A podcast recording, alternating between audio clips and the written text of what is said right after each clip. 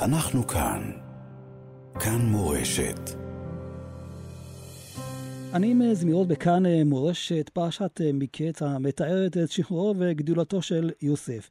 המדרש מסביר מדוע נאמר כאן מקץ שנתיים ימים, לפי שיוסף ישב עשר שנים בבית האסורים, והוא התעכב שם עוד שנתיים בגלל ששם מבטחו בשר המשקים. והשאלה מה האיזון הנכון בין ההשתדלות ובין הביטחון בהשם, ואנחנו אומרים שלום לרב שמעון לפיד, ראש ישיבת אור עציון. שלום וברכה. אם מתבוננים מנקודת מבטו של יוסף, הרי הוא לא יודע מתי נגמר לו הזמן לשבת בבית האסורים. ומצידו, כשהוא רואה את uh, הסיפור הזה של החלומות של השרים uh, הללו, אולי הוא מבין שזו הזדמנות מהקדוש ברוך הוא, דרך החלומות uh, שלהם, לבוא ולהשתחרר, ולכן הוא מבקש באופן טבעי משר המשקים שיזכיר אותו לפרעה, שיזכור שיש עוד מישהו שנשאר בבית האסורים. האמת שיש בזה הרבה היגיון. כשאדם נמצא במצוקה, התפקיד שלו להתפלל, ובד בבד גם להשתדל לעשות. אנחנו יודעים, וכך למדנו ממורנו ורבנו הרב דרוקמן, זכר צדיק לברכה, שהוא הדגיש את הנקודה הזאת בוודאי ב... במדינת ישראל. אנחנו לא סומכים על הנס. וזכרת כי השם אלוקיך הוא הנותן לך כוח לעשות חיל. לא שהשם עושה את הכל, הוא נותן לך כוח לעשות חיל, אתה עושה את החיל. Mm-hmm. ככה הדגיש הר"ן בדרשותיו, וככה אנחנו לומדים, ככה אנחנו נוהגים. לכן יוסף, בנקודה הזאת ודאי אה, נהג כמו שצריך.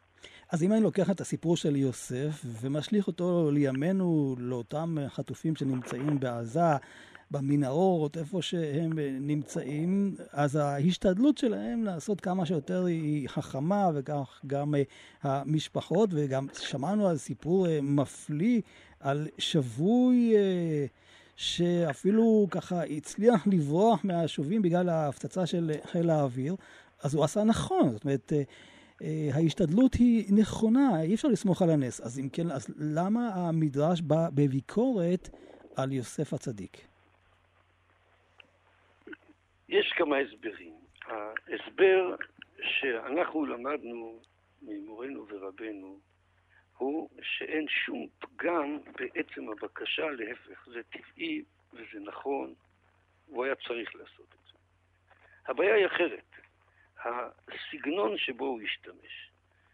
אומר יוסף, כי אם זכרתני איתך, כאשר ייטב לך, ועשית נא עמדי חסד, והזכרתני אל פרעה, ופה הנקודה הכי חשובה, והוצאתני מן הבית הזה. הכל תלוי בשר המשקים. יוסף, במקום אחר, הוא התבטא אחרת לגמרי. כשפרעה אומר ליוסף, חלום חלמתי וכולי, ואני שמעתי עליך לאמור, תשמע, חלום לפתור אותו, התשובה של יוסף, בלעדיי, אלוקים יענה את שלום פרעה. ופה נמצאת הבעיה. יוסף, כשהוא מדבר עם שר המשקיעים, הוא לא מזכיר את שם השם. עכשיו, איפה הבעיה? יש להניח שיוסף הצדיק בוודאי הבין שהכל מידי שמיים. הרי כל הזמן, ויהי השם את יוסף, אומר רש"י, שם שמיים היה שגור בפיו כל הזמן. מה הבעיה?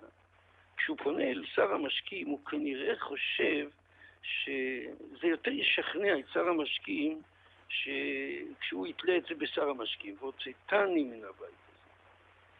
ואצל יוסף זה פגם גדול. גם כשאתה מבקש, גם כשאתה מדבר עם אחרים, אתה צריך לתלות את הכל בקדוש ברוך. וכנראה הוא למד מהכישלון הזה. הרי שנתיים הוא ישב שם.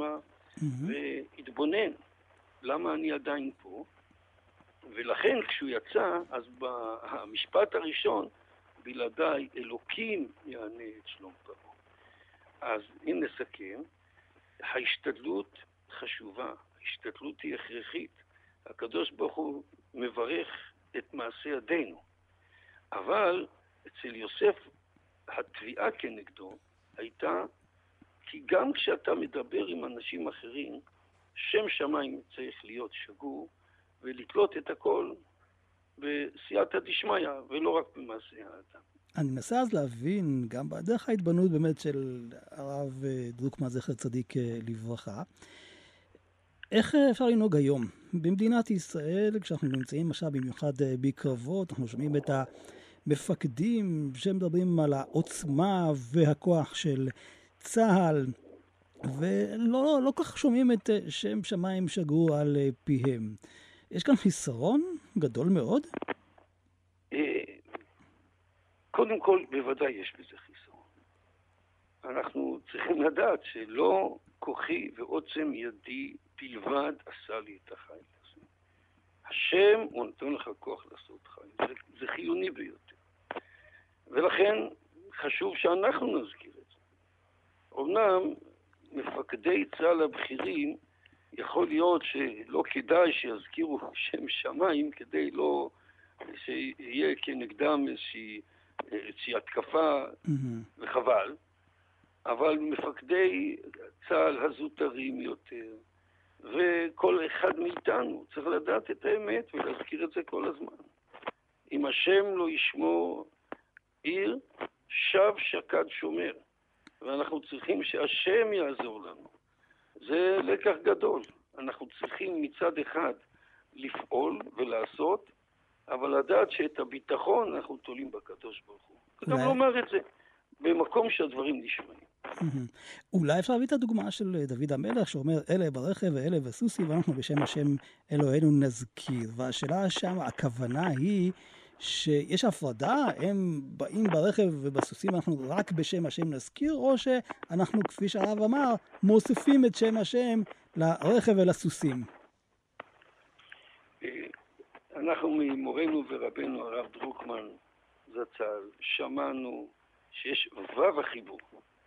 אלה ברכב ואלה בסוסים, נכון, ואנחנו, יש פה איזה ו', אנחנו בשם השם אלוקינו נזכיר כאשר אנחנו נלחמים בכוח שלנו. הרי הפסוק, דוד המלך ידע היטב את הפסוק כי השם אלוקיך הוא נותן לך כוח לעשות חיל. אז ואנחנו, גם אנחנו באים בכוח פיזי. אבל אנחנו, היתרון שלנו, שאנחנו גם, ובעיקר בשם השם אלוקינו נזכיר. אני רוצה ככה לסיים את השיחה שלנו, משהו ככה אישי, כמי שממשיך את דרכו של הרב בראשות הישיבה, איזה דגש הרב אה, אתה לקחת מתוך תורתו של הרב? בהנהגת הישיבה?